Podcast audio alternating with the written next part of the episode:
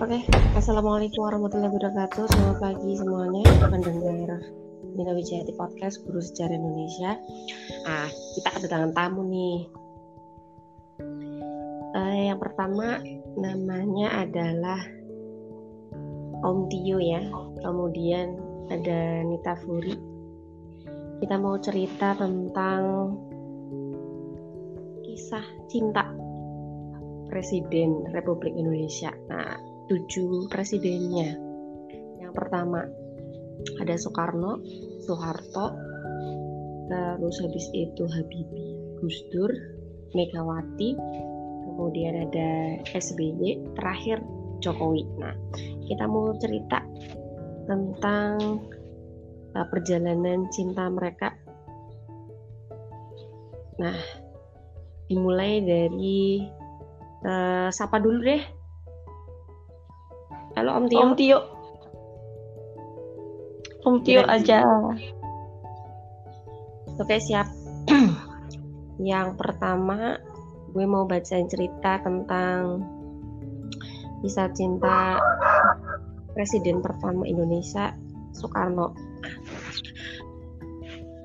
Soekarno kita tahu sendiri cintanya itu banyak ya istrinya ada banyak. Yang kehitung sembilan yang gak kehitung gak tahu. Nah ini kisah satu kisah cinta antara Soekarno sama Ibu Fatmawati Februari pada Agustus 1938 Fatmawati bertemu dengan Soekarno nah Fatmawati semata wayang Hasanuddin pemimpin Muhammadiyah Bengkulu baru beranjak lima- 15 tahun pertemuan keduanya berjalan biasa saat itu belum ada pertanda apa pun jika kelak Fatmawati bakal jadi istri Soekarno. Malam itu Fatmawati tak pulang ke Curug. Nah, Soekarno menawari Fatmawati untuk bersekolah di Rums Katolik Park School bersama nah, anak angkat Soekarno dan Inggit Garnasih. Fatmawati masih mempertimbangkannya karena pertama-tama terbentuk terbentur ya persyaratan masuk Bung Karno menjamin akan mengurus hal itu dan mulai hari itu juga aku tinggal di rumah Bung Karno. Kenang Fatmawati dalam memoir Fatmawati catatan kecil bersama Bung Karno 1985 32 sampai 33.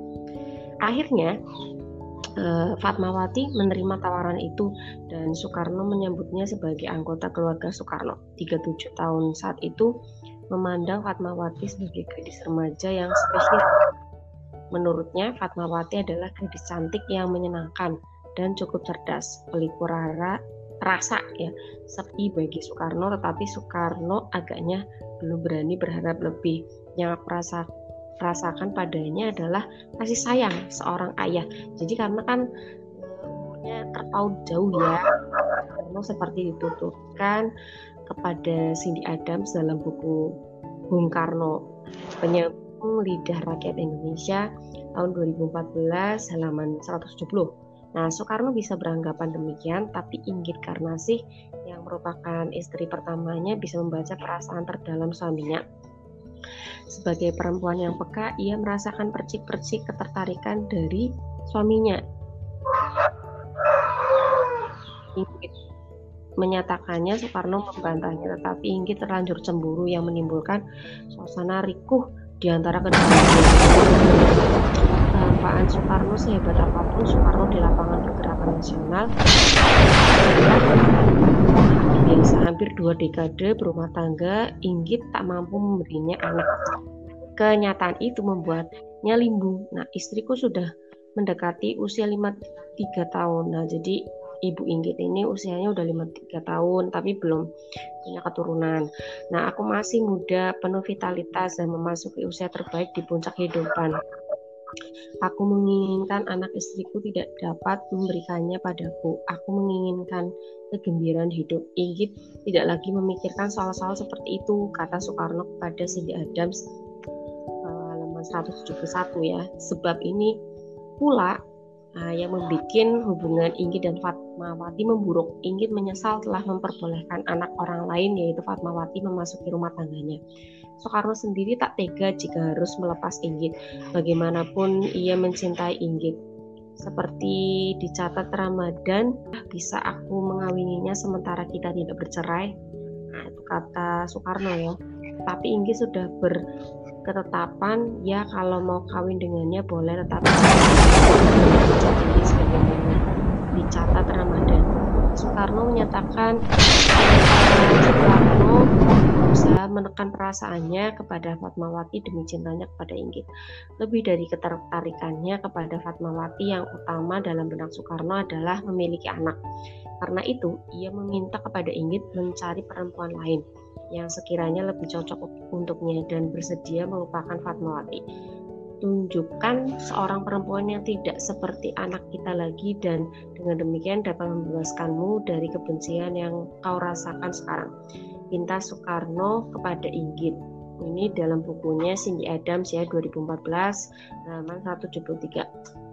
Nah, hubungan mereka tenggang, tapi mereka tetap meneruskannya. Keadaan tambah berat manakala Ratna Juwani kembali ke Jawa untuk meneruskan sekolah. Soekarno semakin kesepian di saat itu Fatmawati adalah satu-satunya penghiburan. Pertahanan Soekarno rubuh tatkala suatu kali Fatmawati mendatanginya untuk meminta saran soal pinangan seorang anak wedana. Bukannya memberi saran, Soekarno justru berterus terang kepada Fatmawati. Fat, sekarang terpaksa aku mengeluarkan perasaan hatiku padamu. Cie, dengarlah baik-baik, ujar Soekarno. Begini Fat, sebenarnya aku sudah jatuh cinta padamu pertama kali. Aku bertemu denganmu waktu kau ke rumahku dahulu pertama kali. Fatmawati bingung. Pelik dalam memoarnya, ia mengenang saat itu hanya mampu menjawab, Fat, kasihan sama bapak. Fatmawati tahu belaka bahwa Soekarno telah berkeluarga. Karenanya tak terbesit perasaan apa pun di hatinya kepada Soekarno selain rasa hormat seorang anak kepada bapak angkat. Nah, kita lanjut lagi, Soekarno sendiri tak terhenti pada sebatas pengakuan. Rayuan mau diutarakannya, aku seorang pemimpin rakyat yang ingin memerdekakan bangsa dari Belanda. Tapi rasanya aku tak sanggup meneruskan jika kau tak menunggu dan mendampingi aku. Kamu cahaya hidupku untuk meneruskan perjuangan yang maha hebat dan dahsyat. Menghadapi rayuan Soekarno itu Fatmawati bergeming. Tak mampu, ia memutuskannya sendiri dan lagi sebagai sesama perempuan, Fatmawati tak ingin melukai hati Inggit tali tiga uang dengan Inggit Fatmawati tak bisa menerima poligami. Selang beberapa waktu, Hasan Din dan Fatmawati menyatakan keberatan atas pinangan Soekarno karena seharusnya masih beristri pada Hasan Soekarno itu meminta waktu bulan untuk menyelesaikan permasalahan dengan Inggit. Tapi lepas enam tak ada kabar dari Soekarno. Hubungan mereka tetap menggantung hingga kedatangan bala tentara Jepang ke Hindia Belanda pada awal 1942. Hubungan mereka semakin sulit karena Soekarno harus mengungsi dan kembali ke Jawa. Meski begitu, keduanya tetap berkomunikasi. Saat itu Fatmawati mulai benar-benar jatuh hati pada Soekarno. Nah, kita lihat lagi cerita ya tentang Fatmawati dengan Soekarno. Jadi Lady Fatmawati karena perselisihan-perselisihan yang tak terjembatani antara Soekarno dan Inggit. Pada akhirnya mereka bercerai pada pertengahan 1943. Wah, sayang banget ya. Soekarno memulangkan kembali Inggit ke Bandung. Tak berapa lama Soekarno segera mengusahakan pernikahan dengan Fatmawati. Karena Soekarno tak bisa datang ke Bengkulu, pernikahan berlangsung dengan cara perwalian. Soekarno diwakili oleh seorang utusan melalui telegram. Fatmawati diberi kabar Fatmawati nikah dengan wakil yaitu saudara Obseter Sardono tanggal 1 Juni 1943 berangkat ke Jakarta. Nah, Fatmawati kemudian mendampingi Soekarno melewati masa-masa pendudukan Jepang di Jakarta. Anak pertama mereka yaitu Guntur lahir pada 1944 ketika Indonesia merdeka dan Soekarno menjadi presiden. Fatmawati dihadapkan pada peran baru sebagai ibu negara. Nah, menjadi istri presiden di negara baru adalah beban berat apalagi situasi pasca kemerdekaan memanas dengan cepat karena kedatangan sekutu dan Belanda. Perlawanan dan kontak senjata antara pejuang Republik dan tentara Belanda pada akhir tahun 1945 semakin sering terjadi Dalam situasi genting seperti itulah Fatmawati berdiri di antara peran ibu dan ibu negara. Ia harus membiasakan diri hidup berpindah dan terpisah dari separuh membawa Om Tio lagi ngiklan. Jadi aku dulu saja. Oke, okay. kisah cinta ya Soeharto. Ye, yeah. kisah cintanya Soeharto. Siti Hartina, pengerem ambisi berkuasa Soeharto. Yeah. Pada subuh Minggu 28 April 1996, Siti Hartina mendadak kena serangan jantung. Oh, matang. Ia kesulitan bernapas sehingga harus dilarikan ke RSPAD Gatot Subroto. Presiden Soekarno eh Soeharto Suaminya bersama kedua anaknya, Tommy dan Sigit, ikut mendampingi ke rumah sakit. Namun, nyawa ibu negara itu tak tertolong meski telah dilakukan berbagai upaya medis. Hanya berselang satu jam sejak serangan jantungnya, Ibu Tien, demikian panggilan akrab peng perempuan kelahiran Sukarta, Surakarta ini berpulang. Hari itu Soeharto benar-benar patah hati. Menurut kesaksian dokter Satya Negara, kala itu Direktur Utama Rumah Sakit Pusat Pertamina yang melayat ke Cendana, itulah satu-satunya momen Soeharto terlihat begitu terluka.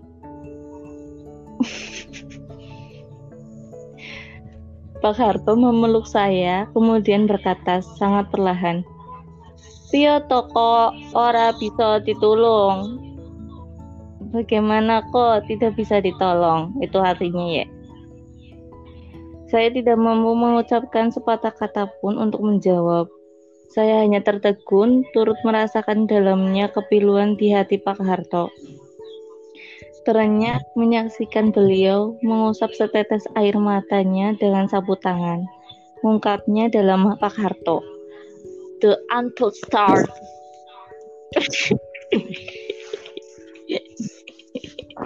Tahun 2011 halaman 565. Sebuah buku yang berisi bunga sampai kenangan tentang sosok Soeharto.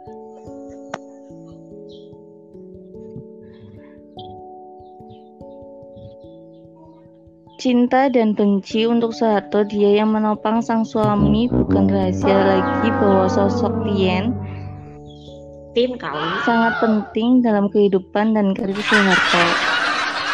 Selama menjadi ne ibu negara, perempuan kelahiran Surakarta 23 Agustus 1923 itu beberapa kali menjadi muasal kebijakan yang diambil Soeharto pada tahun 1950, Soeharto yang masih berpangkat letnan kolonel dikirim bertugas ke Sulawesi. Ia bertindak sebagai komandan Brigade Garuda Mataram dengan tugas utama mematahkan pemberontakan Andi Aziz. Yes. Banyak ya? Iya. Andi Aziz pun memberontak selagi bertugas di sana. Tanpa ia duga, tiba-tiba Tian datang berkunjung dari Jawa. Kepada suaminya, Tian menyampaikan pesan dari para istri prajurit yang ditinggal suami bertugas di Sulawesi. Ibu Tin. Para istri prajurit itu khawatir. Apa Tin? Tien. Tin. Oke, Tin jika suami mereka kawin lagi atau main perempuan selama bertugas. Apa begini aing?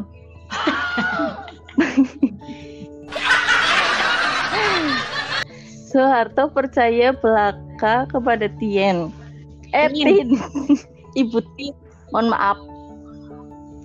Pada upacara apel esok harinya, Soeharto memperingatkan kepada seluruh prajuritnya agar setia kepada istri mereka Tak hanya itu, sebagaimana dicatat O.G. Ruder dalam Anak Desa Biografi Presiden Soeharto 1976, kembalinya Brigade Garuda Mataram di Yogyakarta, Soeharto menegaskan lagi peringatannya itu menjadi aturan militer. Kelak, atas pengaruh Tin pula lahir peraturan pemerintah nomor 10 tahun 1983 yang salah satu intinya membatasi praktik poligami oleh PNS halaman 214. Sebelum Soeharto memenuhi permintaan itu, istri tercintanya wafat lebih dulu. Sejarah mencatat para pada sidang umum MPR 1998, Soeharto terpilih lagi sebagai presiden dan beberapa bulan kemudian kekura kekuasaannya oh. runtuh. Begitulah cerita Soeharto. Ceritanya saling melengkapi, saling mengisi. Oke, uh, kisah yang terakhir yaitu tentang uh, kisah cinta ya yeah, Habibie dan Ainun yuk Om Tio silakan Om Tio kita dengerin Om Tio ya Om Tio. Yuk silakan Tio berbicara Oke, kisah cinta Habibie dan Ainun ya Om Tio untuk episode kali ini. Yuk. Oke siap. Eh awal mulanya itu berawal dari SMA B.J. Habibie atau yang kepanjangannya adalah Baharudin Yusuf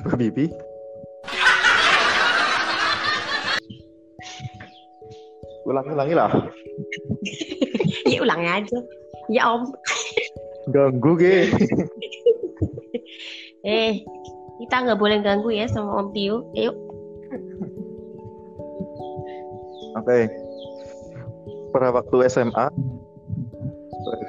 Barudin Bibi dengan Biji Bibi dan Sri Ain Sari atau Ainun adalah siswa jemplang masing-masing kelas. Kebetulan guru pelajaran ilmu mereka sama. Melalui candaannya, Hong atau si guru ilmu Habibie dan Ainun dijodohkan. Ini menarik kalau Hasri dan dengan Habibie. Jika mereka jadi suami istri, anaknya bisa pintar-pintar. Kelakar, go, go.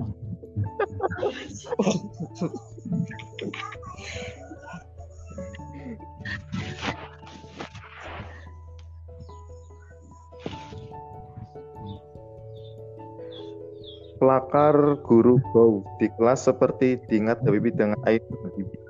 Kenangan yang terlupakan di mata orang-orang seperti diingat oleh Habibie dalam air Habibie.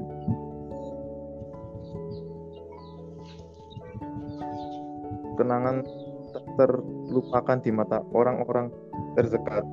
2012 1 sampai 3 yang disusun Amakmur Maka. Siapa sangka? Keadaan sang guru kelak menjadi kenyataan. Tetapi sampai Habibie lulus SMA pada tahun 1954 dan ke kemudian di Jerman keduanya tidak pernah benar-benar dekat. Mereka baru menjalin hubungan serius Rudi Pangeran Putra Habibie di masa muda liburan ke Indonesia pada awal 1960 Rudi pulang ke Bandung dan kebetulan di sana yang sama Aina dan cuti. Saat itu Rudi sedang menempuh program doktoral sambil bekerja di Institut Konstruksi Ringan Acen. Dodi sedang menempuh.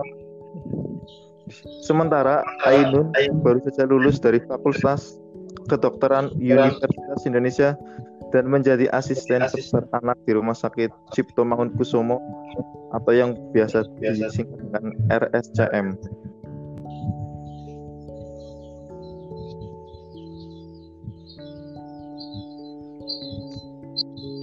Dari, dari bekas kampus kolonial.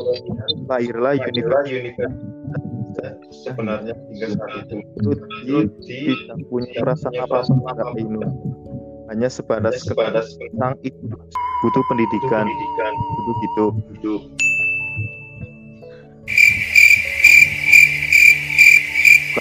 Butuh pesawat.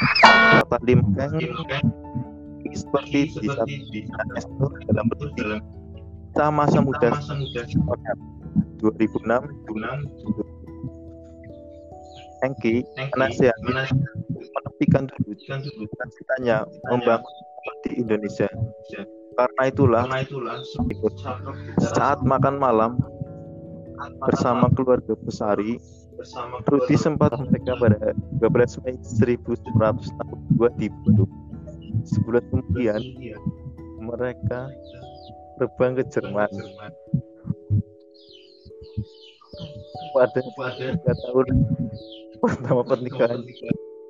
Rudi fokus sebagai pencari nafkah dan membangun karir. Sementara Ainur. Setelah anak-anak mereka untuk bisa dititipkan kepada Ainun ikut membantu keluarga dan bekerja sebagai dokter anak di sebuah rumah sakit di Buk. Ainun dapat mandiri. yang hampir saya bisa membantu dan rumah di kakak bak ungkap Ainun dalam memoarnya yang bertajuk tahun-tahun pertama yang dalam kenangan yang orang-orang terdekat halaman statistik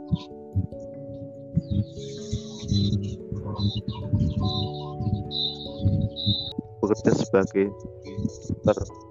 Ia memutuskan berhenti saat Arek anak bungsunya sakit keras. Sakitnya membawa ganjalan dalam benaknya. Ia bisa mengurus anak lain, tetapi lalai pada anaknya sendiri. Itulah yang membuat daripada falsafah mengutamakan daripada mencari keputusan profesional dan penghasilan.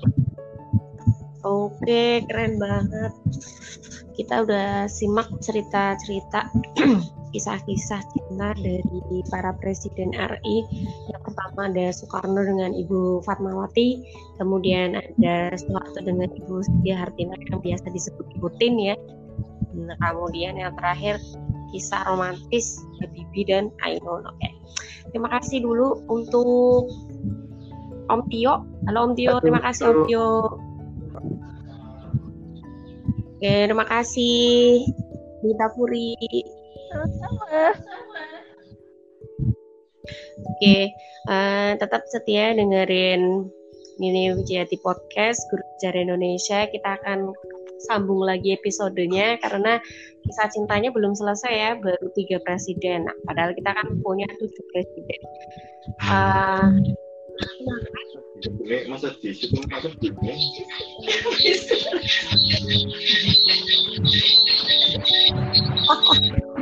Gimana ya? Wah, ramai nih. Beri tepuk tangan dulu dong, aplaus tepuk tangan.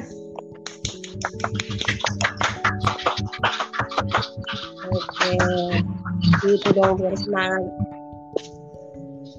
Om Tio tadi suaranya gemah Om Tio. Eh, oh, iya. Om Tio nanti ya. Iya, iya, iya.